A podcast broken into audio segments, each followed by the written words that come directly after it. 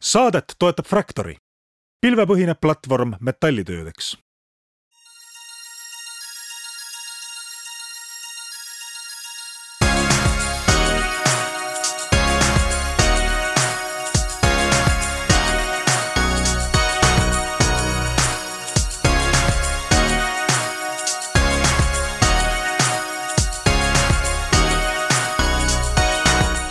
tere, head kuulajad, on kolmapäev ja Taavi Kotka, Hendrik Roonemaa teevad Restardi saadet ning äh, kui me siin tavaliselt oleme ikkagi äh, selliste business to business SaaS-ide rajal, sest Eestis muid firmasid väga palju võtta ei ole. siis äh, täna seikleme idufirma maailmas, aga seikleme kaitsevaldkonnas ja sellises hush-hush valdkonnas, kus parem on, kui üldse mitte ei räägi aga me ikkagi täna natuke räägime ja me räägime sellise Eesti idufirmaga nagu Sensus Q, mis enne kandis nime Sensus Septima ning äh, meil on külas selle ettevõtte kaasasutaja ja tegevjuht Marko Kaseleht ning äh, proovime siis kaitsevaldkonna maailmast natukene seda katet kergitada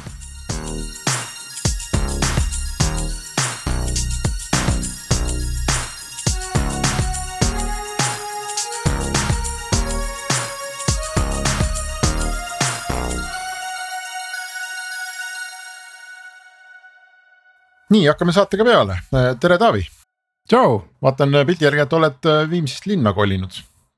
saad, oled ühinenud nende eestlaste reaga, kes kiruvad Tallinna nõmedat liiklust tead ka aus olla siis jah, et äh, Koosi töötajad nõudsid, et peab olema linnal lähemal kontor ja, ja siis äh, ma vaatasin, mis on lähim punkt, mis on nii-öelda linnas, aga veel mõistlikul kaugusel Viimsist mm, -hmm. nii et äh, oleme Admirali majas jah. ja see on selle nelja, neljarealise Viimsist tuleva maantee lõpus väga hea. jah, just, et sa ja, ära kaugemale. kaksteist minutit ja koju. ära kaugemale sealt mine, jää sinna meie tänane külaline Marko on äh, ka valmis, tere Marko. tere, tere. kas äh, teilt võib küsida, kus Sensus Q kontor on või on, kui palju seda, kui salajane see saade on, mida me täna teeme no eks ma räägin nii palju, kui ma rääkida saan, aga kontori asukoht ei ole mingi saladus, et me tegelikult oleme Telliskivis siinsamas majas, kus Eesti Raudtee, naudime ka head linnavaadet. me peaksime siis kuidagi, ma olen nüüd lubanud mitu korda, et väga salajane ja õudselt selline kaitse, kaitse ja ei tea, mis me üldse räägime. võib-olla laseme sulle ära rääkida, Marko, mis asi see Sensus Q on, mida te teete? tegelikult me lahendame sellist asja nagu informatsiooni ülekülluse probleem aga selleks, et sellest nagu täpsemalt aru saada, tuleks tegelikult vaadata kõigepealt sellesse probleemi nii-öelda keskmesse. ja täna lihtsalt fakt on see, et kui me vaatame lahinguväljal ringi, siis kõik, mis lahinguväljal on, vahet ei ole, kas ta lendab või sõidab mööda maastikku, on ta siis nii-öelda riistvara kujul või tarkvara kujul. siis tegelikult see loob nii palju äh, uut informatsiooni ja inimestena me lihtsalt ei suuda tegelikult hoomata seda informatsiooni, mida need uued vahendid meile juurde toovad. ja siis me olemegi oma protsessimiste, otsuste, probleemide keskel ja olles oma erinevate missioonide kogemusega seda probleemi näinud lähedalt, siis aastal kaks tuhat kakskümmend sündiski mõte luua siis Sensus Q sellises tänases formaadis, nagu ta on. ja seda probleemi otsast lahendama hakata. ja selle lahenduse raames me jõudsimegi siis sellisele teekonnale, et kõigepealt me kaardistasime ära selle probleemi. ja saime aru, et see probleem on selle info protsessimises kõige tugevam ja siis me hakkasimegi nii-öelda seda probleemi lahendama just selle luurevaldkonna otsast. ehk siis minnes nende inimeste juurde, kes siis tegelikult on vastutavad õige info andmise eest õiges formaadis, õigel ajahetkel ja õigetele inimestele. ja lühidalt me saame ka öelda, et see tarkvara, mida me arendame, selle nimetus võiks siis ollagi intelligence management system. nii et mina olen sõdur kuskil kaevikus. luuraja luuraja või sõdur? oled luuraja. sa ütlesid lahinguväljal muidugi, luure, nüüd on väike segadus minu peas, et luuraja lahinguväljal väga tihti ei viibi või, või viibib, ma olen kaugel sõjaväest. oleneb, oleneb luurajast, aga noh, ütleme niimoodi, et äh, sõdurit mõjutabki see, kui kiiresti tema kõrgemal olevad üksused tema eest selle informatsiooni protsessimise ära teevad.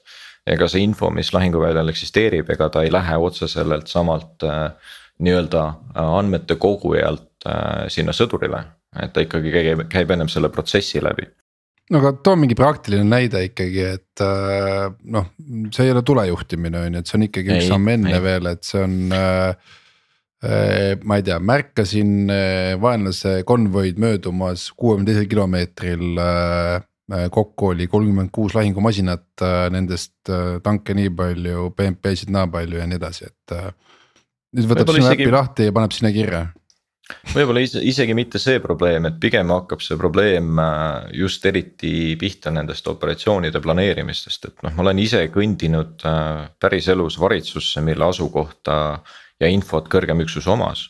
aga nad ei suutnud seda lihtsalt äh, konteksti panna toimuvate operatsioonidega samal ajal, ehk siis kuskilt kõrgemalt poolt tuli läbi SIGINT-i ehk siis signaalluure info sisse et Taliban planeerib vastu äh, valitsust äh, ISAF-i konvoi vastu.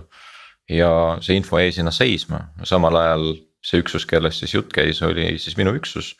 ja siis me kõndisimegi sinna valitsusse sisse ja kui me pärast tagasi jõudsime sinna nii-öelda ops ruumi, siis ma sain teada, et tegelikult see informatsioon selle valitsuse kohta oli olemas. või siis ka teine näide, et noh. Te jäite terveks ikka või? Äh, kahjuks mitte, üks mees sai surma ja kolm sai väga raskelt haavata ja eks see ongi võib-olla selline isiklik valu, miks me seda tegelikult teeme, et kõigil meie kaasasutajatel, kes on ka sõjaväelise kogemusega, on vähemalt üks või isegi rohkem sellist sarnast lugu rääkida ehk siis me põhimõtteliselt, põhimõtteliselt ehitame seda, millest me ise lahinguväljal puudust tundsime. aga võtame sellesama näite ikkagi nüüd pulkadeks selleks, et kuulaja saaks nagu aru, et noh, kahetsusväärne juhtum on ju nagu tõesti, et äh, aga, aga nüüd on, ütleme noh, too siis nii-öelda näide, mis oleks pidanud paremini olema, et, et seesama näite põhjal nagu see kuulaja mõistaks. no ütleme, see võimustus oleks pidanud olema selle luuresektsiooni poole pealt, ehk siis neil oleks pidanud olema äh, piisavalt palju ressurssi, et seda nii-öelda infot äh, ära analüüsida kiiresti selline nii-öelda kokkuvõte teha ja allapoole üksustele pressida, kellele, kelle jaoks see relevantne siis on. et võib-olla ma ütleme niimoodi, et võib-olla see näide äh, on natuke keerukam. aga võib-olla ma toon ühe teise näite, mis on ka juhtunud äh, minuga Afganistanis aastal kaks tuhat kümme, kui ma ei eksi. me pidime minema siis uuele alale, äh, tegema sellist operatsiooni nagu SACE ehk siis safe and secure environment mis siis tähendab seda, et sa pead alale põhimõtteliselt sisse minema ja see ala, ala nagu ohutuna hoidma. ja meil ei olnud mitte mingisugust kogemust selle ala kohta. me ei teadnud mitte midagi vastasest, noh kaardiluuret sa võisid teha, eks ole. me ei teadnud mitte midagi eelnevatest sündmustest, mis selles alas juhtunud oli. ja siis sul oligi kaks varianti, et kas sa lähed sinna alasse ja usaldad oma kõhutunnet. ehk siis lähened igale situatsioonile nii nagu ta areneb Äh, sa ei tea mitte midagi vastase TTP-sest, TTP-dest ehk siis nende tehnilised, taktikalised äh, protseduurid, nende SOP-d, standardsed operatsioonilised protseduurid. ehk siis sisuliselt, äh, kui nad sind ründavad, mis ilmakaarest, milliste vahenditega, kas see on mingi kombineeritud rünnak, ehk siis otsetulirelvad ja kaudtulirelvad. on seal mingid isevalmistatud lõhkekehad seotud lisaks sellele puudus sul igasugune informatsioon äh, kohalikest, nende meelestatusest, nende abivalmidusest, äh, juhtidest, äh, kelle käest sa saaksid lisainfot küsida. ja, ja noh, ütleme, see on päris keeruline viis, kuidas oppe teha. teine variant oli küsida seda informatsiooni siis kõrgemalt luureüksuselt. aga need mehed, arvestades seda, kui palju infot nad peavad läbi töötlema neil läheb aega sõna otseses mõttes nagu päevi, võib-olla isegi nädalaid ja minu operatsioon on ennem äh, siis juba läbi, kui mul oleks see nii-öelda actionable intelligence minu käes. ja see probleem ongi tulenev sellest, kuidas me täna nagu erinevates NATO armeedes või NATO sõbralikes armeedes sellel olukorral lahendame. et ei ole sellist nagu maagilist tööriista, mis siis äh,, kuidas ma ütlen äh,, aitaks meil sellest informatsiooni kogusega toime tulla sisuliselt täna luuretarkvara äh, sellisel kujul on tegelikult Microsoft Office. ehk siis info kogumine on Excel, analüüs on osaliselt Excel. Äh, kui ma tahan äh, kasutada mingit teist tarkvara, siis ma copy paste in oma info Excelist sinna teise tarkvarasse. siis ma copy paste in ta kuskile Word formaati tagasi siis ma salvestan selle PDF-iks, siis ma jagan seda. ja kui ma tahan seda ülematele presenteerida, siis ma kasutan siis äh, Microsoft PowerPointi. ja noh, seda, seda olukorda me üritamegi täna lahendada aga noh, teistpidi jälle no võtame sedasama sinu näite, et te pidite minema nii-öelda noh, tundmatusse laiku ja seal tegutsema hakkama. Siis iseenesest äh, noh, kui ma nüüd mõtlen tarkvaraarendaja vaatenurgast, et äh, mis üldse teha saab, on ju, et küll teil on koduleheküljel kirjas, et te olete ai ja machine learning ka on ju, aga.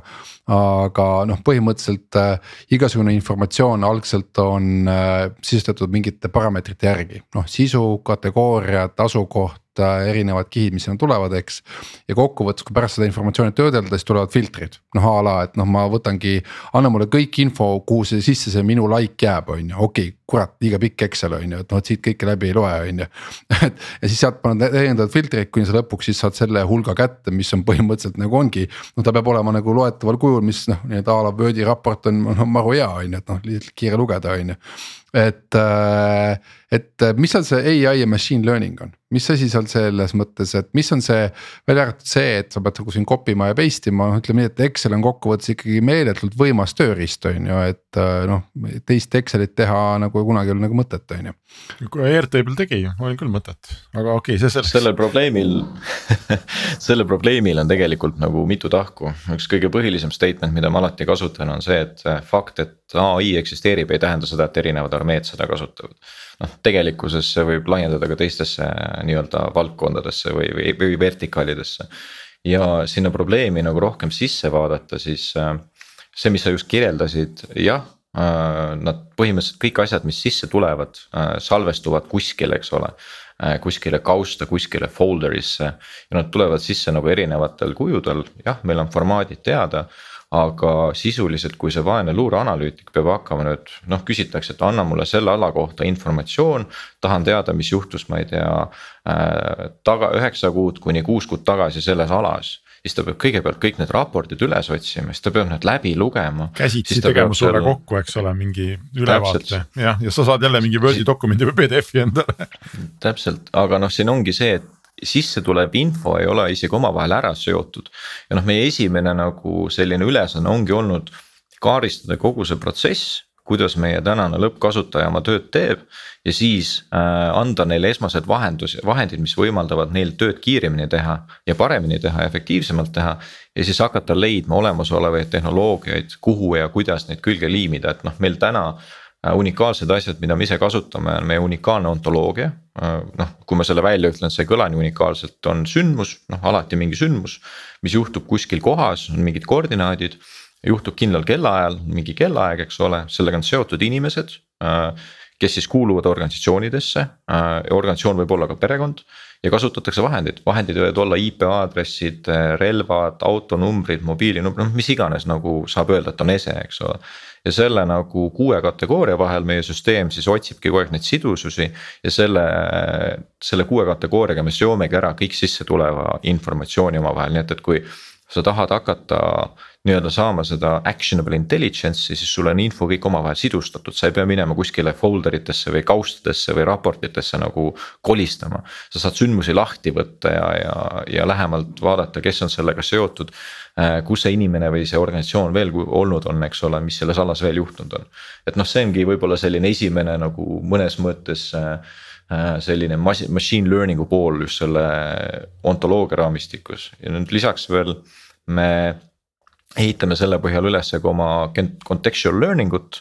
ehk siis me suudaksime tekstist hakata neid äh, sidususi välja tõmbama ja hakata inimesele andma esimesi soovitusi, kui ta peab nagu informatsiooni omavahel link ima, sest täna nad teevad seda jätkuvalt käsitsi.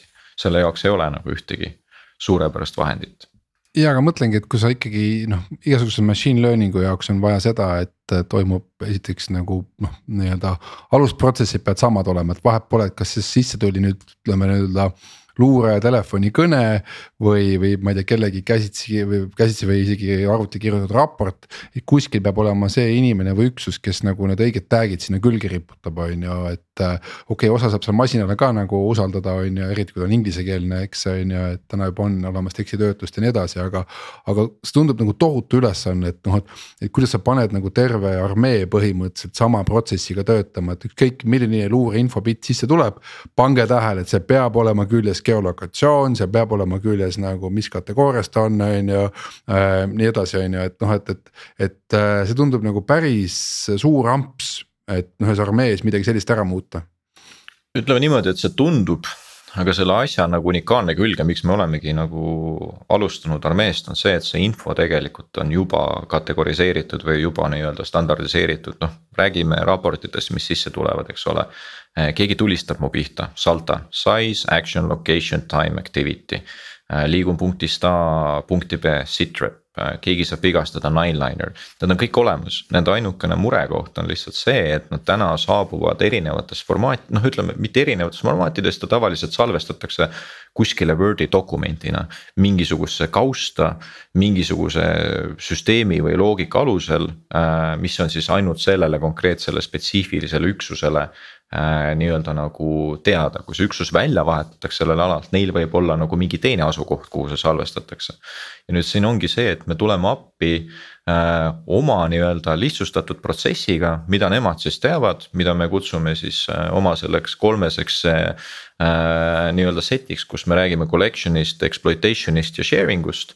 ja nende raames on see siis põhimõtteliselt kuuesammuline luuretsükkel, kus nad siis valmistavad ette kogumist, analüüsimist, jagamist ja kõike sedasama protsessi. ehk siis see protsess on sisuliselt sama, vahet ei ole, kas me räägime siis Eestist või, või räägime, ma ei tea, UK-st või räägime USA-st näituseks. Nad, nad kõik need luurajad käivad sama protsessi läbi, kõik need armeed käivad sama protsessi läbi, see ongi selle asja nagu unikaalne külg okei okay,, aga ma saan aru, Marko, et see, see on, see teie tarkvara ei ole nagu pigem mõeldud selleks, et kui meil on noh, hetkel tulevahetus käib, eks, on mingisugune väli, eks, ühed, ühed mehed on ühel pool seinte taga ja teised mehed on teisel pool seinte taga ja noh, vahepeal vaatavad välja, eks ole, tulistavad midagi, et. Te ei, et me ei räägi nagu sellest, sellise nagu täiesti reaalaja mingist ülevaatest, kus ma kujutan ette, et ka võib sellest kasu olla. sul on mingid droonid lendavad, eks ole, keegi näeb kuskil midagi, mingilt trajektoorilt tuleb mingi mürsk, et kas, kas me räägime sellest või, või me ei räägi sellest? see, mida sina kirjeldasid, on battlefield management system, see, mida meie teeme, on battlefield information system, ehk siis me põhimõtteliselt vaatame seda äh, arhiivis olevat informatsiooni mm. -hmm. sest et äh, me saame selle põhjal hakata järeldama, milliseid ja mismoodi opereerib vastane ja kui see informatsioon on nagu õige, sa suudad anda sellise esmase situatsiooni mõistmise, eks ole, et kui juhtuvad sündmused üks, kaks, kolm, siis sul tekib ka ettenägelikkus vanaste sündmuste põhjal. et järelikult nüüd võivad juhtuda neli, viis ja kuus, ehk siis me saame hakata tegema seda prediction poolt, sest et noh nii keeruline, kui see ei kõla, siis tegelikult nagu sõda mõne koha pealt on lihtne. sa saad rünnata vastast kas eest või külje pealt, eks ole, noh tõenäoliselt teda ümber haarata nii-öelda selja tagant rünnata on keerulisem. ja, ja selle loogika raames me üritamegi oma tarkvara vähemalt meie tänasele lõppkasutajale ka lihtsaks hoida, sest noh. mis see põhiline murekoht on? me ei räägi millestki nagu lõpmatu unikaalsest, me räägime tänapäeva tehnoloogiast, mis teistes tööstusharudes juba nagu eksisteerib, et noh, ma ei tea, võtame kasvõi lihtsad ERP süsteemid või mingi projekti juhtimise süsteemid või võtame CRM-id on ju siis meie tarkvara tegelikult noh, ma ei taha nüüd seda nagu nii rumalaks ka teha, on ju. aga meie tarkvara tegelikult on sisuliselt nagu nende CRM-ide, ERP-de nagu milite-, militariseeritud variant sisuliselt. lihtsalt räägib nagu äh, nii-öelda militaarkeeles, militaardomeeni spetsiifiliselt. ma ei tea, kas see võib-olla see andis nagu midagi juurde see, et see, et asjad on ehitatud niimoodi, et äh, informatsioon tuleb sisse erinevas formaadis ja erinevas stiilis ja nii edasi on üks klassikalisemaid ja paremaid küberkaitsevõtteid, et äh, Eesti infosüsteemid äh, peavadki tavaliselt kübersõdadele paremini vastu tänu sellele, et iga süsteem on oma nägu. ja ründevektorid on niimoodi raskem disainida ja, ja koostada, eks, et äh, isegi kui sa nüüd ära standardiseerid, siis on vaja ühte süsteemi rünnata ainult et see võib muutuda kübervaatest nagu lihtsamaks nagu. ütleme niimoodi, et ta ei ole nagu lihtsam selles suhtes, et nad võivad rääkida omas keeles või olla oma nägu, eks ole, aga lõppkokkuvõttes neid süsteeme ikkagi haldavad inimesed mitte ei halda nagu tarkvarad iseennast, eks ole, selle tarkvara taga peab olema inimene, täna ongi nagu see probleem.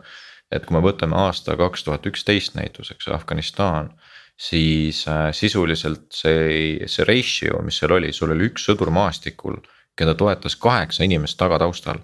sest et iga UAV, mis lendab, iga tarkvara, mis kasutuses on, iga sensor iga mingisugune muu süsteem vajab inimest selle taha ja see logistiline ahel on lihtsalt niivõrd suur. ja siis juhtubki see, et tekib nagu kaks pilti, et ma ei suuda panna seda informatsiooni, mis mul parasjagu sisse tuleb. Äh, kontekstis sellega, mis parasjagu maastikul äh, juhtumas on. sellel, sellel hetkel, sest noh, lahingteadlikkuse süsteem ehk siis BMS ta sisuliselt annabki sulle, ta on põhimõtteliselt digitaalkaart, kes näitab, mis näitab sulle, kes parasjagu nüüd hetkel on. aga kui asi puudutab nagu ajalugu, siis seda informatsiooni seal ei olegi. ja kui me räägime sellest samast nagu ütleme sellest küberturvalisuse võtmes, siis tegelikkuses siin tuleb ka eristada seda, et äh, meie süsteem võimaldab teha kolme asja, ta võimaldab koguda informatsiooni, ta võimaldab see ekspluateerida seda informatsiooni ja seda jagada. ja kui me nüüd vaatame sinna kogumise sisse, siis seal on nagu kaks varianti. kas see informatsioon tuleb automaatselt meie süsteemi läbi mingi integratsiooni, ma ei tea, on see mingi UAV pilt, eks ole. või on see mingi teine tarkvara, ma ei tea, open source intelligence, eks ole, mis on nagu ainult üks luuremaailma piltidest või siis see kasutaja paneb selle informatsiooni käsitsi sisse, ta teeb seda täna niikuinii käsitsi, ta täna niikuinii kirjutab käsitsi seda kuskile oma suurde PowerPointi template'i, eks ole. et noh, lihtsalt me annamegi talle nagu siuksed eelvõimekused, mis täna nagu teistes industry tes on nagu common sense on ju, mida nagu armee tegelikult, erinevad armeed tegelikult täna ei tea. Nad teevad hästi palju sihukest tühja tööd okei okay,, pakime selle praegu ära, äh, oletame, et me saime enam-vähem aru, mis tarkvaraga tegemist on, on ju, et. Äh, noh, selles mõttes ka kuulaja, et äh, ilmselgelt siin on hästi palju distsipliinipõhist teadmust ja, ja protsessi, aga oletame, et see on nüüd olemas, et see tõesti toimib ja nii edasi.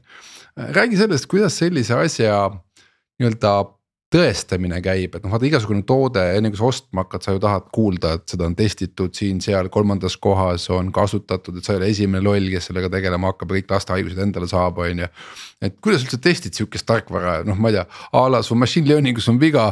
raksaki järgmine vana panevad valitsusse sisse, on ju, et noh, palju õnne, on ju, et noh, nii tarkvara esimene casualty number läks üle kümne nüüd on ju, et et äh, et kuidas sa, noh ühesõnaga, kuidas, kuidas see käib selle tõestuse loomine, et kuule ostja, et tasub proovida küll või, või, või, või osta palun?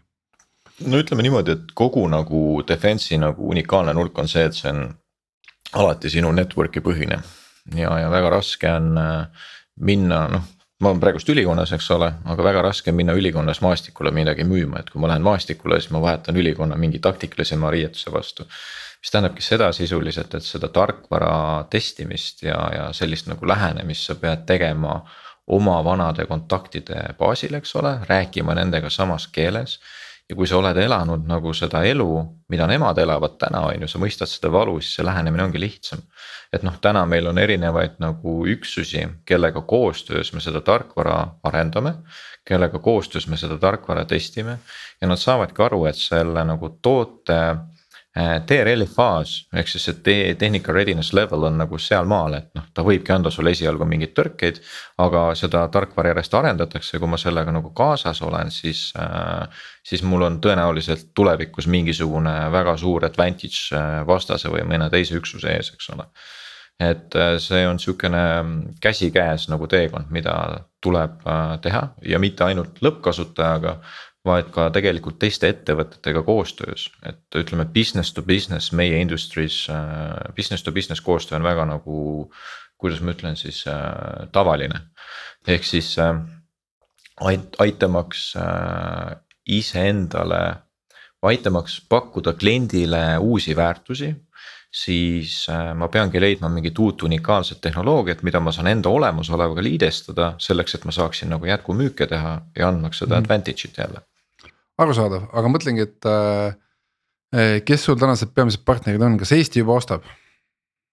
ütleme niimoodi, et Eesti äh, on põhiline partner ja, ja tegelikult ikkagi NATO riigid, et meil on päris tugev koostöö UK-s. Äh, kui me vaatame, mis täna nagu kogu selles kaitsetööstuse sektoris toimub, siis meil on siin erinevad initsiatiivid mis siis võimustavad defense nagu startup indust nii-öelda, see Diana programm, kus on siis ühe miljardi eraldamine.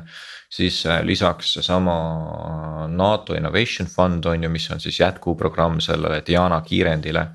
ja noh, olgem ausad, Ukraina äh, on nagu seda, kogu seda kaitsetööstuse sektori pilti päris nagu korralikult muutnud ta ei ole küll nüüd muutnud seda innovatsiooni poolt võib-olla nii palju, kui noh, minusugused ootaksid või, või sooviksid äh, kaitsekulutused on läinud suuremaks, aga ikkagi ostetakse selliseid standardseid asju, noh äh, relvastus, laskemoon, eks ole. et mm -hmm. innovatsiooni tegemiseks pead sa ikkagi midagi väga unikaalset tegema. see on üks sõnum, mis ma tahaksin panna kõikidele sellistele kuulajatele südamele, kes on nii-öelda ostja poolel, et. et me ei ehita üles ühtegi tööstusharu, kui meie Eesti enda nii-öelda tellijad seda leiba ei söö. et äh, a la noh, kui sa lähed müüma mingit toodet, mis oleks nagu elementaarne, et kas teie oma kaitsevägi kasutab, vastus on, et ei, on ju. siis tekib alati küsimus, et oota, mis neil viga on, et miks, kui te kodus müüa ei suuda, et noh, et, miks te siis üldse välja tulete, on ju, et. et see on hästi oluline, et kui me tahame ükskõik millist valdkonda arendada, et siis on tähtis, et me anname ka Eestis endas nagu võimaluse selle äraproovimiseks. on see siis tervishoiud või, või kaitsetööstus või mis iganes, on ju, et et lihtsalt see on nagu märkus kuulajatele, ma olen seda päris palju näinud, kus meil on. juba ongi noh, välismaised kliendid on juba olemas ja siis ikka kodumaa käib ikka veenmine, et ei, see on ikka õige asi, on ju, et noh, et, et. kui me tahame riiki rikkamaks teha, siis ärge tehke seda ma olen selle statement'iga täiesti nõus, ilma koduturu referentsita on väga keeruline midagi välismaal teha. kes see, Marko, kes on üldse armees kui organisatsioonis, kes see klient on, kellele sa selle mõtte pead maha müüma, et, et hakkame kasutusele võtma, et tõenäoliselt see ei ole noh, niimoodi, et üks rühm kusagil otsustab, et kuule, et meie teeme, eks ja no et, et see on mingi suurem tasand. aga kas, kas see kaitsemaailmas on, need hanked on sellised, et noh, terve riik otsustab korraga, eks ole, või umbes, et või mõnes suuremas riigis, et terve mingisugune tohutu suur armeeüksus. võtab kuus aastat aega, mõtleb ja siis otsustab või sa saad minna ikkagi altpoolt ka läbi nende inimeste, kellele päriselt, kes siis nagu otseselt sinu tarkvara kasutajad on. ja kes saavad siis noh, sinu tšempionideks ja ja hakkavad seda mõtet ise organisatsioonis nagu kuidagi levitama ütleme niimoodi, et äh, siin on nagu mitu taset, mida tuleb korraga engage ida mm,. sul on selline lõppkasutaja tase, ehk siis sõdur seal maastikul, äh, siis temast ülevalpool istub probleemi omaja, kellel on antud mingisugune, kes on tuvastanud ise ära mingi capability cap'i ehk siis mingi võimelünga äh,. siis sul on seesama hankija ehk siis see procurement agency ja kõige üleval tipus on sul äh, siis government, eks ole, see, kes nagu lõpliku selle otsuse teeb. sa pead oskama need kõiki nelja taset äh, niimoodi engage ida, et äh, sa lõpuks jõuad selle tulemini see ei vastanud praegu seisu. ma saan aru, et selleks, et äh, hästi müüa, peab oskama müüa, oli sinu vastus, aga. et aga kus see, no, mõtle, kus see allkiri antakse, noh, et kas see ongi nagu kaitseväe juhataja allkiri lõpuks või, või, või? see on ikkagi tavaliselt on see government pool, kes selle lõpliku allkirja annab, sest nende mm. käes on tegelikult rahakott ja sa peadki hakkama nagu noh, eristama seda, et tulles nüüd ülevalt alla, ega siis see procurement agency, tema lihtsalt on hankija, tema lihtsalt teeb oma hankeprotsessi, seal ei ole sul mitte midagi müüa ja põhiline nagu müük, äh, mis tegelikult toimub, toimub seal alumises kahes otsas, ehk siis see probleemi omaja e, ja see sõdur see toode, mida sa neile müüd, peab nagu päriselt andma mingi eelise neile. see peab päriselt nagu võimaldama neil teha midagi kiiremini, paremini, odavamalt. ja see peab olema jätkusuutlik, mis tähendab ka seda, et see, mida sa lood või see, mida sa pakud, peab olema kättesaadav ka kriisides ja sõja ajal. ehk siis noh, neid aspekte kõiki arvesse võttes äh, saad sagi seda lähenemist teha. ja kõige selle juures nagu sa pead mõistma seda, et sa tegelikult kogu aeg harid klienti. sa pead kogu aeg nagu selgitama talle, kuidas ja mismoodi tehnoloogia saab temal tema tööd paremini teha siin on popid terminid nagu product marketing näiteks ja, ja muud, et äh, üks asi ise äh, selle valdkonnaga kokku puutes, puutudes ehk siis nii-öelda just äh, kuidas on äh, Äh, müük äh, militaarvaldkonnas. Äh, see on pikk, see võtab aastaid tootearendus võtab aastaid, juurutamine, kuna alguses on katsefaas, siis on sihuke poolteist faas ja lõpuks on siis nii-öelda juba kasutusfaas, et. et see kõik on noh, ütleme niimoodi, et kui nullist pihta hakata. ma ütleks neli-viis aastat miinimum on ju, et äh, tihtilugu, et äh, et kuidas te üle elate, üle elate sihukese nagu äh, valdkonna, kuidas te rahastate ennast, ma saan väga palju mingid grand'id, et noh, a la ongi, et mingi äh,. et noh, ideedele antakse lihtsalt nagu alustuge ja kui sa näitad edu, siis saad rohkem tuge, et see on üks faas on ju, aga, aga sellest üksi ei piisa, et sul ikkagi on vaja näidata mingit omafinantseeringut, mingit äh,. mingit investorite raha, et, et mismoodi sa üldse rahastad ennast? No olgem ausad, ega see müügiprotsess sisuliselt ei erine mitte millestki, mida sa tava startup'is teed, sa lihtsalt pead natuke rohkem seda domeeni spetsiifilist äh, olukorda mõistma ja võimalusi no, nägema. tükid on suuremad ja seda, et on ka ütleme nii, et mida suurem on tükk, seda pikemalt läheb aega, mida kallim on see jupp, mida sa ostad, on noh, oluline vahe on, kas ma maksan nine ninety nine või ma maksan nagu. noh, ma ei tea, kolmsada tuhat mingi litsentsi eest on ju aga ka samas neil ka, ka erinevates armeedes me räägime ikkagi sellest, et sul on mingisugused otseostud, on ju, mingid kinnised hankemenetlused selleks, et nagu lahendada ära mingit äh, konkreetset capability gap'i. tavaliselt on see seotud mingi sõjalise operatsiooniga, siis sul on see research and development ostud. ja, ja ad hoc ostud, noh sellest viimasest meie nagu tavaliselt hoiame ennast eemale. aga pigem me nagu sihimegi neid väiksemaid tükke ja sihime just nagu sellist unikaalset klienti, kellel ei ole seda nagu väga kindlat nagu hankeprotsessi, noh tavaliselt on need mingid erioperatsioonid või mingi selline pool. Äh, kellega saab neid asju teha ja selleks, et saada suurematesse programmidesse, siis äh, tuleb leida väga tugevalt business to business partnerlust, noh olgem ausad kes laseb mingisuguse kahekümne, kolmekümne mehelise startup'i miljardi programmide juurde. et sa pead leidma endale kohaliku partneri kellega seda programmi engage'id ja, ja siis on võimalik saada ka suuremaid asju teha, et.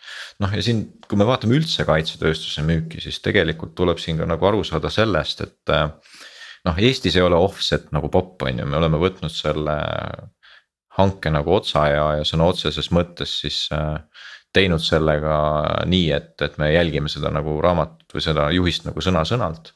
aga kui me räägime välismaalt, siis tegelikult nende kaitsetööstuse eelarve on mõeldud ikkagi nende enda kaitsetööstusettevõtetele.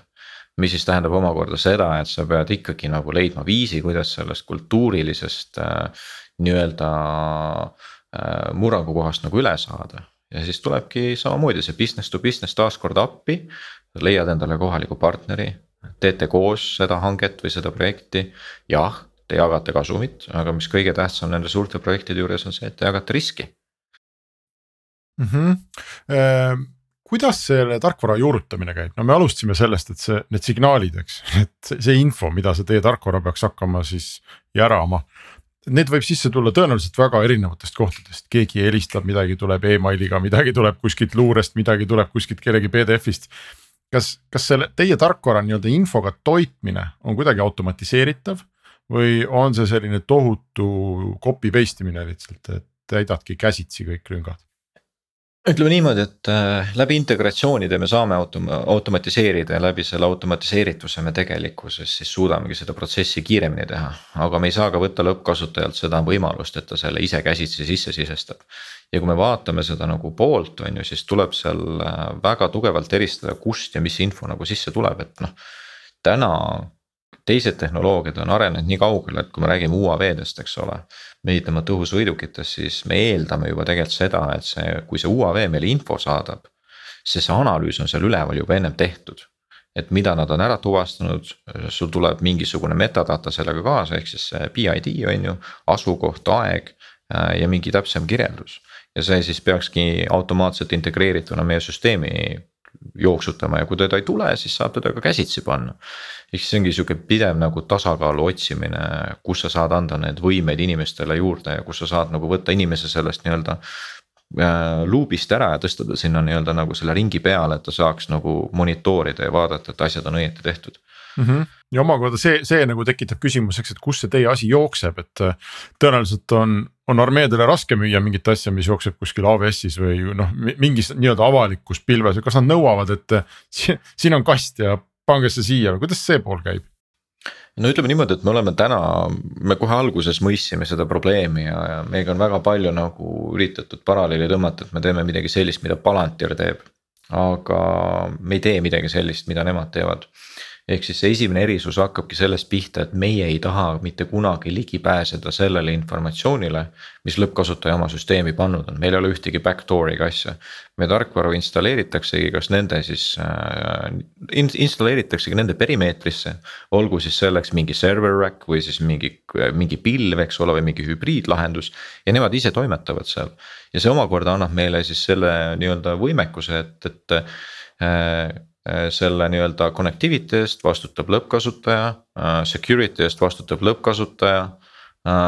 krüpto eest vastutab lõppkasutaja ja tegelikult ka selle informatsiooni õigsuse eest vastutab lõppkasutaja. et nemad ise teevad seda, nad niikuinii teevad täna seda, noh lihtsalt täna teevad seda jätkuvalt Exceliga mm. -hmm aga see omakorda tähendab, et teil on kaugelt suhteliselt raske seda asja nagu uuendada või et et see, mida, mismoodi me praegu ehitame neid tarkvaratooteid, et noh paneme paar korda nädalas mingi fix'i välja, et seda teil on ilmselt raske teha seda meil on raske teha, me peame nagu väga pikalt oma need arenduse äh, protsessid läbi mõtlema, ennem kui me mingisuguse asjaga kuskile laivi läheme. siis äh, see peabki olema mitmeid pentest'e juba läbinud, ühesõnaga, et sa sealt lõppkasutaja perimeetris ka töötaks Mm -hmm. ja, ja noh, me teemegi siukseid kvartalipõhiseid uuendusi oma varaste, varastele maksvatele kasutajatele okei okay,, ja, aga see tähendab, et teie inimene peab minema kohale või kuidas see protsess on või lähevad turvalised mälupulgad või turvalised failid kuhugi FTP-sse? põhimõtteliselt siin on teile pulk, palun. okei okay. Tallinnast postiga jah, täpselt nii ongi. kui suureks te täna olete kasvanud, palju teid on ja, ja, ja, ja palju teie tarkvara juba kasutatakse maailmas? Hetkel meid on kakskümmend viis, meil on ka UK sihuke väike kontor juba avatud, sest et see UK koostöö on päris äh, tugevaks läinud. ja, ja ütleme niimoodi, et see põhiline pingutus on olnud ikkagi selle tarkvara arenduse poole, et leida neid arendajaid. sest et äh, ütleme, siin põrkuvadki kaks maailma erisust, et me räägime siis ühelt poolt on endised sõjaväelased, eks ole ja teiselt poolt on siis tarkvaraarendajad, et mm -hmm. selle kahe maailma nagu. ja keegi vaene inimene peab seda nagu kokku viima jah, täpselt nii ongi, aga see on väga-väga huvitav ülesanne, mida lahendada samas, et äh, mina näituseks juhina. ma arvasin, et, et olles nagu kolmteist aastat äh, armees, et siis ma olen kõiki asju näinud, eksisin. aga armeed muide äh,, armeed ongi ju ikkagi väga konservatiivsed äh, organisatsioonid ja noh, see, see lause, mida ma ütlen, seda me ütleme oma saates nagu tihti, et. et energiasektor on konservatiivne, haridussektor on konservatiivne, meditsiinisektor on konservatiivne. aga no mulle tundub, et mingis mõttes armeed on, on võib-olla isegi nagu kõige konservatiivsemad, et. et kui ma isegi mõtlen, ma ei tea, mõtleme, no venelased veavad täna, eks ole, väidetavalt teise maailmasõja mingisuguseid habitsaid sinna ja ja noh, mis see USA lennuvägi parem on, et seal on ka ikkagi täna aktiivses teenistuses lennukeid, mis töötati välja noh, üle viiekümne aasta tagasi, on ju. Ehm, kas sinu arvates on armee selline konservatiivne ja teie räägite mingist täiesti raketiteadusest neile või see tegelikult ikkagi ei ole nii?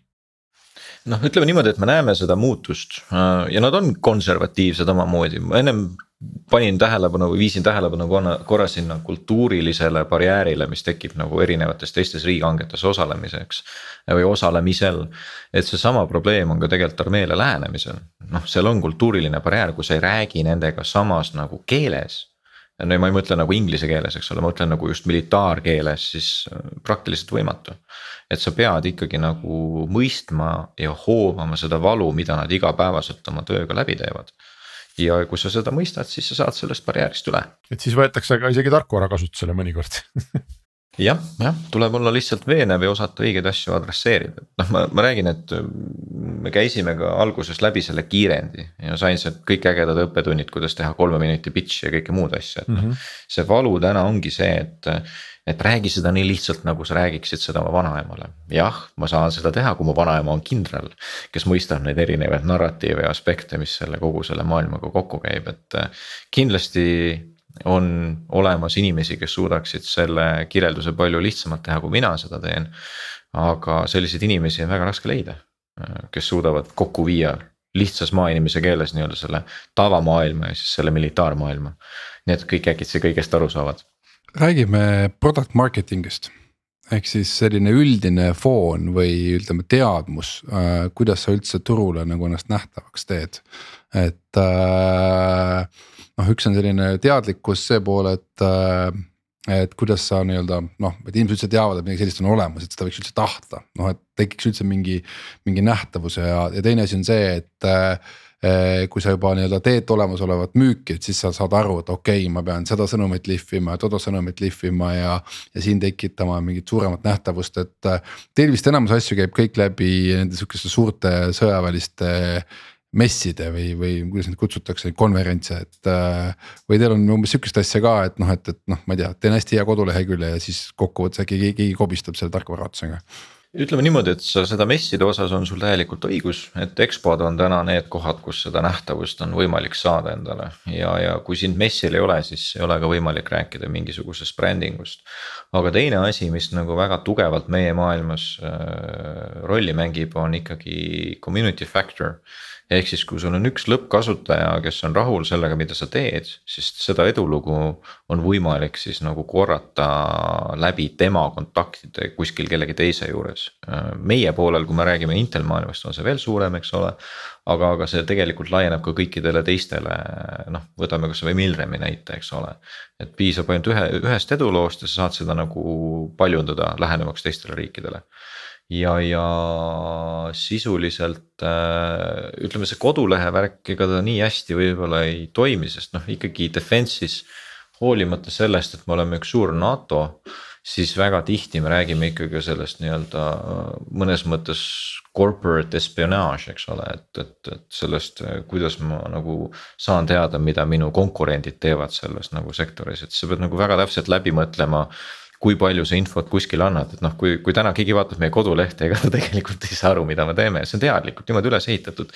Need inimesed või need meie kliendid, kellega me räägime, nemad teavad ja sellest meile piisab aga mõtlengi, kas sul, kuidas sul see organisatsioonis on üles ehitatud see roll, et kas see on sinu roll või sul on seal üks inimene või sul on terve meeskond selle peale, et kes genereerib nagu seda müra. ehk siis noh, selles mõttes müra, et, et olla nagu pildis, olla nähtav, olla olemas äh, et kui tähtis see üldse on versus näiteks, ma ei tea, tarkvara, tarkvaraarendusega võrreldes?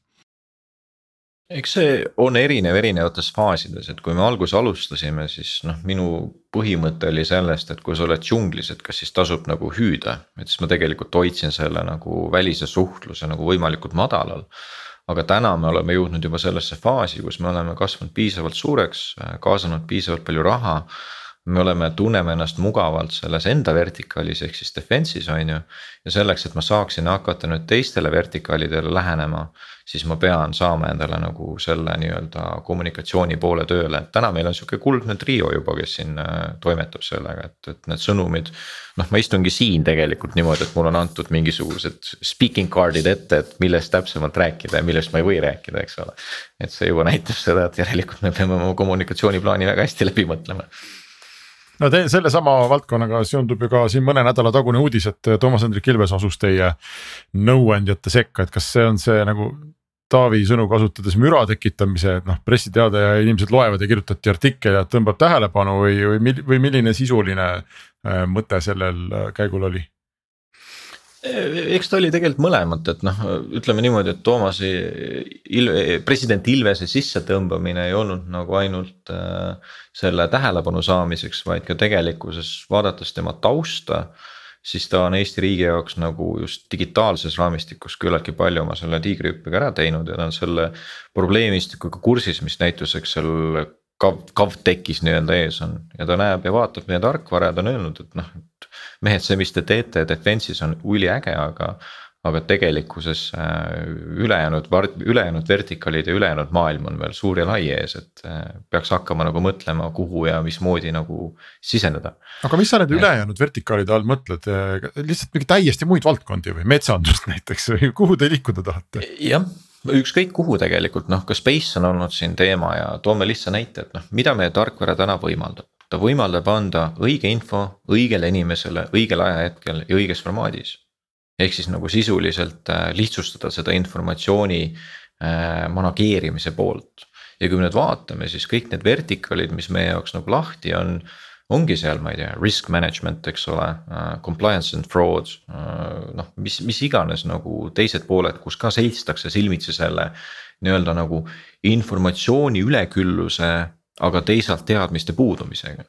sest noh, tõsi, noh, ütleme niimoodi, et täna, kui me vaatame, kuidas nagu asju, asjad toimivad, siis me räägime alatigi teadmiste ülesehitusest, et, et et organisatsioon on täpselt nagu nii edukas ja tark, kui tema, tema inimesed, kes on selles nagu valdkonnas nagu haritud, võtame niimoodi, et ei no filosoofilises mõttes ma, filosoofiliselt ma saan sellest aru, eks, et äh, te lahendate informatsiooni, ma ei tea, puudumise ja kokkuviimise probleemi. see probleem on igas valdkonnas, on ju, mul isegi peresiseselt on seda, noh järelikult võtame Sensus Q kasutusele. kas see, kas see praktikas nagu tõlkub, noh kui te olete selles militaar kultuuris, militaarnišis nagu üles kasvanud ja teie enda taust on see ja te oskate sinna müüa. ja te tunnete seda klienti, et kui, kuidas sa tõlgid seda nüüd tõesti näiteks pangandussektorisse, kas need on nii hästi ühildatavad? vot see ongi nüüd see mõttekoht, mina ei ole pangandusekspert, et kui ma täna pangale lähen, et siis nad naeravad mind välja, ütlevad, et mis kogemuse pealt sa seda räägid, et. et siin ongi see, et kui teistesse vertikaalidesse siseneda, siis tuleb kõigepealt väga õige vertikaal valida. ja teiseks tuleb läbi mõelda, kuidas see sisenemine sinna käib, et millist konkreetset probleemi eh, me seal lahendame. et noh, meie täna nagu see defense'i nagu booster ongi see, et et kuna me treenime oma nii-öelda ai-d ja, ja seda masinõpet äh, väga sellises struktureeritud keskkonnas, siis on nagu tõenäosus, et me suudame luua midagi sellist, mida ka teistes vertikaalides kasu, milles ka teistes vertikaalides selline kasutegur on. et kui me täna nagu noh, ütleme niimoodi, et sellise lihtsalt äh, protsesside digitaliseerimise ja, ja sellise natukese nagu masinaõppega me oleme suutnud nelikümmend protsenti vähendada Äh, seda ajakulu, mida meie tänane lõppkasutaja teeb, et siis kas on veel selliseid kiireid võite võib-olla kuskil teistes vertikaalides. et ma olen osalenud ühel harjutusel, lihtsalt toon näituseks, kus siis äh, me sidusime ära ka sellise tsiviilpoole, ehk siis oli üks äh, tsiviilettevõte kelle toodetav tarkvara loetakse ühe teatud riigi kriitiliseks infrastruktuuriks, ehk siis seal konkreetselt ühes valitsuses kasutatakse nende tarkvara ja, ja siis me tegime harjutuse sõjaväelastega selleks, et nagu panna sõjaväelasi aru saama, kuidas nagu. kui toimub äh, rünnak, et kuidas siis mõjutatakse tsiviilasutusi, siis tõime need tsivilistid sisse. ja tsiviilpoolele siis näitamaks seda, kuidas käitub sõjavägi, tõime siis äh, nagu selle nende jaoks sõjaväepildi sisse. ja kui ma nagu vaatasin seda harjutuse kulgu äh, ja vaatasin seda, mismoodi see tsiviilettevõte nagu noh, kuidas ta lahendas oma probleeme, millised nagu sellised takistused neil ees olid, samamoodi selle informatsiooni üleküllusega, alustades sellest, et. oh, ma ei tea, meil on praegu selline küberrünnak, eks ole, me oleme kunagi teinud ühe dokumentatsiooni, kuidas sellel korral käituda.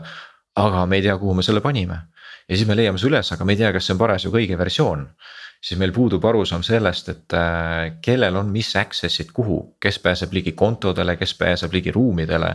ja kõik see pool, ehk siis nagu see informatsiooni pilt oli nagu parajalt keeruline ja ma hakkasingi aru saama sellest, et see.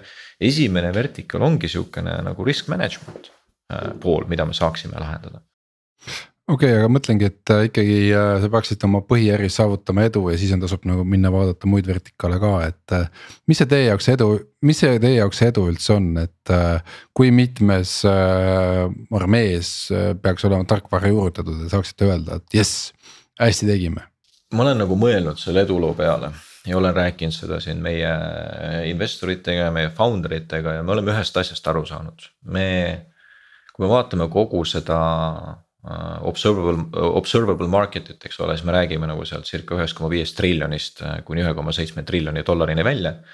siis um, sellest nagu kogu sellest maht, mahust nii-öelda ainult kolmandik on defense, kõik ülejäänu on, on, on nii-öelda teised vertikaalid, mida ma siin ennem adresseerisin ja ma tean kohe, et me oleme algusest saati aru saanud, tegelikult me ei taha üles ehitada defense unicorn'i, seda on päris raske üles ehitada mingit defense prime'i. mis tähendab seda, et selles business to business pooles, mida me täna teeme. mingil ajahetkel keegi meie tänastest partneritest tuleb, ütleb mulle, et kuulge, ma tahan kogu seda defense eksklusiivsust. Teie oma teiste vertikaalidega võite teha, mida te tahate, aga me tahame seda defense eksklusiivsust. ja see ongi nagu edulugu, et kui me selle ära saame, Äh, saame anda selle eksklusiivsuse ja eksklusiivsus oleneb ainult nullide arvust, siis seesama sisse tulev raha, me saame suunata selle teise vertikaali avamise peale. ja täna arvestades seda, et me tegelikult räägime väga tugevalt Moldovaga ja, ja Moldova politseiga, kus nad vaatavad selle tarkvara otsa ja mõistavad, et. tegelikult saaks seda kasutada kriminaaluurimises, siis ma võin öelda, et äh, kõige lähedamaseid kohti ongi tõenäoliselt law enforcement, kuhu siis peale nagu militaarsektorit siseneda või siis mingi private investigation'i poole, eks ole. Et noh, reeglistikud, raamistikud igas riigis on erinevad. aga mis sa siis teed, kui ütleme, et USA ütleb sulle, et davai, ma tahan äh, eksklusiivsust. Lähed müts käes Eesti juurde, Eesti juurde, Eesti juurde ütled, et nii, sorry poisid, siit nüüd tõmbame stepsi välja ei, õnneks on see, et ma olen, ma olen alati aru saanud meeskondadest, ma, see ei ole ainult minu otsus, mis me siis teeme, et mul on olemas väga tugev supervisory board, kes aitab mul seda õiget otsust langetada sellel ajahetkel, kui see nagu päevakorda peaks tulema. see on muidu üks teie valdkonna minu meelest miinus, et jõle palju annate supervisor'i board'ile otsustusjõudu et äh, ma ei hakka siin nimesid nimetama, aga ma olen seda tajunud teistes kaitsetööstusettevõtetes ka, et. et omada mingi, no ühesõnaga, et selle asemel, et nagu tegevmeeskonnaga otsus ära teha käiakse suhteliselt tegevmeeskonna otsusega, käiakse äh, board'i juures nii-öelda lisakinnitust võtmas, et noh, umbes, et, nagu tagada, et noh, ma ei teinud seda rasket otsust üksi, et ma võtsin nagu siin kõigi arvamuse, on ju. mis kokkuvõttes võib takistada ettevõtte edasiliikumist mitu kuud, on ju, et noh, et, et. Äh, see on no, teie valdkonna. valdkonna, kuidas see valdkonna spetsiifiline Taavi? no selles mõttes äh, ütleme nii-öelda nagu ma ei tea äh,, tarkvara startup'ide puhul need otsused käivad märgatavalt kiiremini ja noh, ma ei tea millise CTO ma endale võtan näiteks, et sa ei lase seda board'ist, noh sa ei lase supervisor'i board'ist läbi sihukest otsust, et see pole teie asi, on ju, et noh, et, et äh, minu meeskond ise otsustan, on ju, et noh, et, et nagu. no ütleme, ma olen, ma olen sinuga selles suhtes päri jah, see on, äh, kui seda valesti kasutada, on ta teistpidi nagu limite-, limitatsioon, et ta nagu piirab sul mingeid tegevusi teha minu enda lihtsalt äh, supervisor'i kokkulepe on see, et ma saan kasutada neid sellise esmase sanity check'ina ja teiseks on nad minu jaoks nagu ikkagi pigem äh, selline võimendus. sellepärast, et olles tänases tasemes, ma ei suuda teha taktikalisi, operatiivseid ja strateegilisi otsuseid, nagu ma ei suuda kõike kolme pilti korraga jälgida, sest ma pean tihti nagu käsitsi sekkuma nii-öelda taktikalisele tasemele. kus me siis nagu äh, ma ei tea, sõdime mingisuguse funktsionaalsuse üle, mis, kas see on vajalik või ei ole, on ju. siis äh, teisalt ma olen enamalt jaolt igapäevaselt operatsioonilise tasemega seotud, kus ma siis suhtlen klientidega, suhtlen meie partneritega.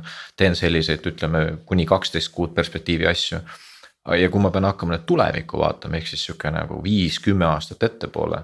ehk siis strateegilist nagu plaani tegema, et siis on nagu see, et need taktikaline, operatiivne ja strateegiline tasand võivad väga lihtsalt omavahel segamini minna ja ma võib-olla nagu, kuna ma olen. Hands-on operatiivses tasemes ma võib-olla ei näe asju, mis mul nii-öelda nagu võivad tekkida kuskil seal kahe-kolme kuni viie aasta perspektiivis mingid võimalused või ei pruugi seda ära aduda. ja see ongi see koht, kus ma näen, et see õieti õie, õigesti töötav äh, nõukogu saab kasuks tulla.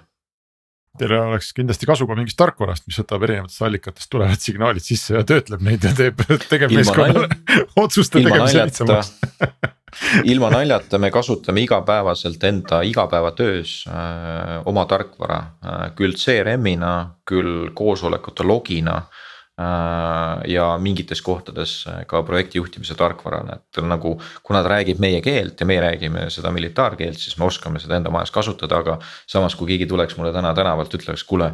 ma olen, ma ei tea, sellest ja sellest ettevõttest, ma tahaksin ka seda, siis ma pigem ei annaks, sest et tema jaoks on seal äh, limitatsioonid, sest et UI on disainitud äh, pigem militaarkasutaja jaoks kui nagu tsiviilettevõtte jaoks no enamuse saadet, kui sa rääkisid, äh, ma kogu aeg mõtlesin, et mis see exit on ja noh, ma oleks täitsa ikkagi veendunult puusalt pakkunud, et äh, noh, kas on see Lockheed Martin või jumal teab, mis teine, eks ole, kaitsevaldkonna mingi hiiglane tuleb ühel hetkel, ütleb noh küll on tore tarkvara teil, et kahju, kui sellega midagi halba juhtuks, et võtame parem nüüd, teeme kokkuleppe. aga nüüd, kui sa hakkasid rääkima muudest valdkondadest, tõmbas nagu pildi laiemaks, et mis te. vara ka, eks, aga kas või mis te ise olete nagu mõelnud, et mis sellise ettevõtte noh, selline tulevik on või kas ta suudaks näiteks iseseisvana maailma erinevate riikide armeesid veenda ja, ja, ja, ja käia ja müüa? ütleme niimoodi, et ma olen selles äh, UK turus juba noh, ma ei taha öelda, et ma tunnen ennast mugavalt, sest mugavus on alati halb, aga ma, ma enam-vähem saan aru, mis seal toimub, ma enam-vähem mõistan neid võimekusi, mis nagu UK-l mulle täna anda on. seal tagataustal oli ka selle UK tütarettevõtte asutamisega selline lootus, et see on tõenäoliselt üks koht, kuhu me tulevikus laieneda saame, sest ma pean ausalt tunnistama. me oleme tegelikult Eestis jõudmas sinna kriitilise piiri peale. Äh, noh, Taavi, ma saan aru, et sa tegeled ka enda startup'iga, hetkel arendajate värbamine on päris keeruline vähemalt noh, mina küll näen, et on need numbrid ja, ja kõik see olutus ei lähe kokku. jah, sõltub muidugi, et aga ütleme nii, et varsti enam ei ole, mõne kuu pärast. varsti enam mõne kuu pärast. mis juhtub mõne kuu pärast, Taavi? Ei, selles mõttes äh, noh, ütleme taustal see on omaette saade, aga aga ikkagi surutist tõenäoliselt tuleb peale ja juba praegu väga suured äh, värbajad värbavad oluliselt vähem. et see on selge signaal, et asjad lähevad ikkagi nii-öelda miinuspoole peale ma olen ise ka seda vaadanud, aga no tahes-tahtmata ütleme niimoodi, et selleks, et nagu ära teenindada nagu Prime'ina kõiki neid teisi riike siis ma arvan, et me peaksime täna kasvama vähemalt äh, minimaalselt sada korda. see on nagu absoluutne minimaalne ja Eestil lihtsalt kahjuks ei noh, seda ei ole võimalik teha ainult Eestis. et, et pigem ma peangi leidma sellise nii-öelda riigi, kuhu ma saan laieneda, kus ma saan siis oma selliseid kriitilisi ressursse nagu kasvatada ja teie valdkonnas ilmselt päris nii lihtne ka ole, et paned kuulutuse ja kõik vennad, kes tulevad ja teevad väikse ülesande ära, kohe võetakse tööle, et. oi ei, see on keeruline alati nii töötajate kui ka investorite puhul, õnneks või õnnetuseks, see background check peab olema päris heavy aga ma arvan, meil on aeg siin äh, otsad kokku tõmmata, tahaks nagu öelda, et äh, kuuleme ja näeme siis Sensus kuu edust, aga mulle tundub, et see võib olla ka üks sellistest firmadest, millest me rohkem edaspidi mitte midagi ei kuulegi. ükskõik, kas ta läheb hästi või halvasti, kadunud, aga, aga loodame, et teil on ka edaspidi vajadusi olla avalikkuse ees ja, ja olla rohkem ja vähem tuntud. aitäh, Marko! Ja soovime siis äh, palju edu ning äh, loodetavasti kohtume tulevikus, aga kindel on see, et äh, saate kuulajatega kohtume jälle täpselt nädala aja pärast, kui meil on külas järgmine firma ja lahkame järgmiseid teemasid, nii et aitäh ja kuulmiseni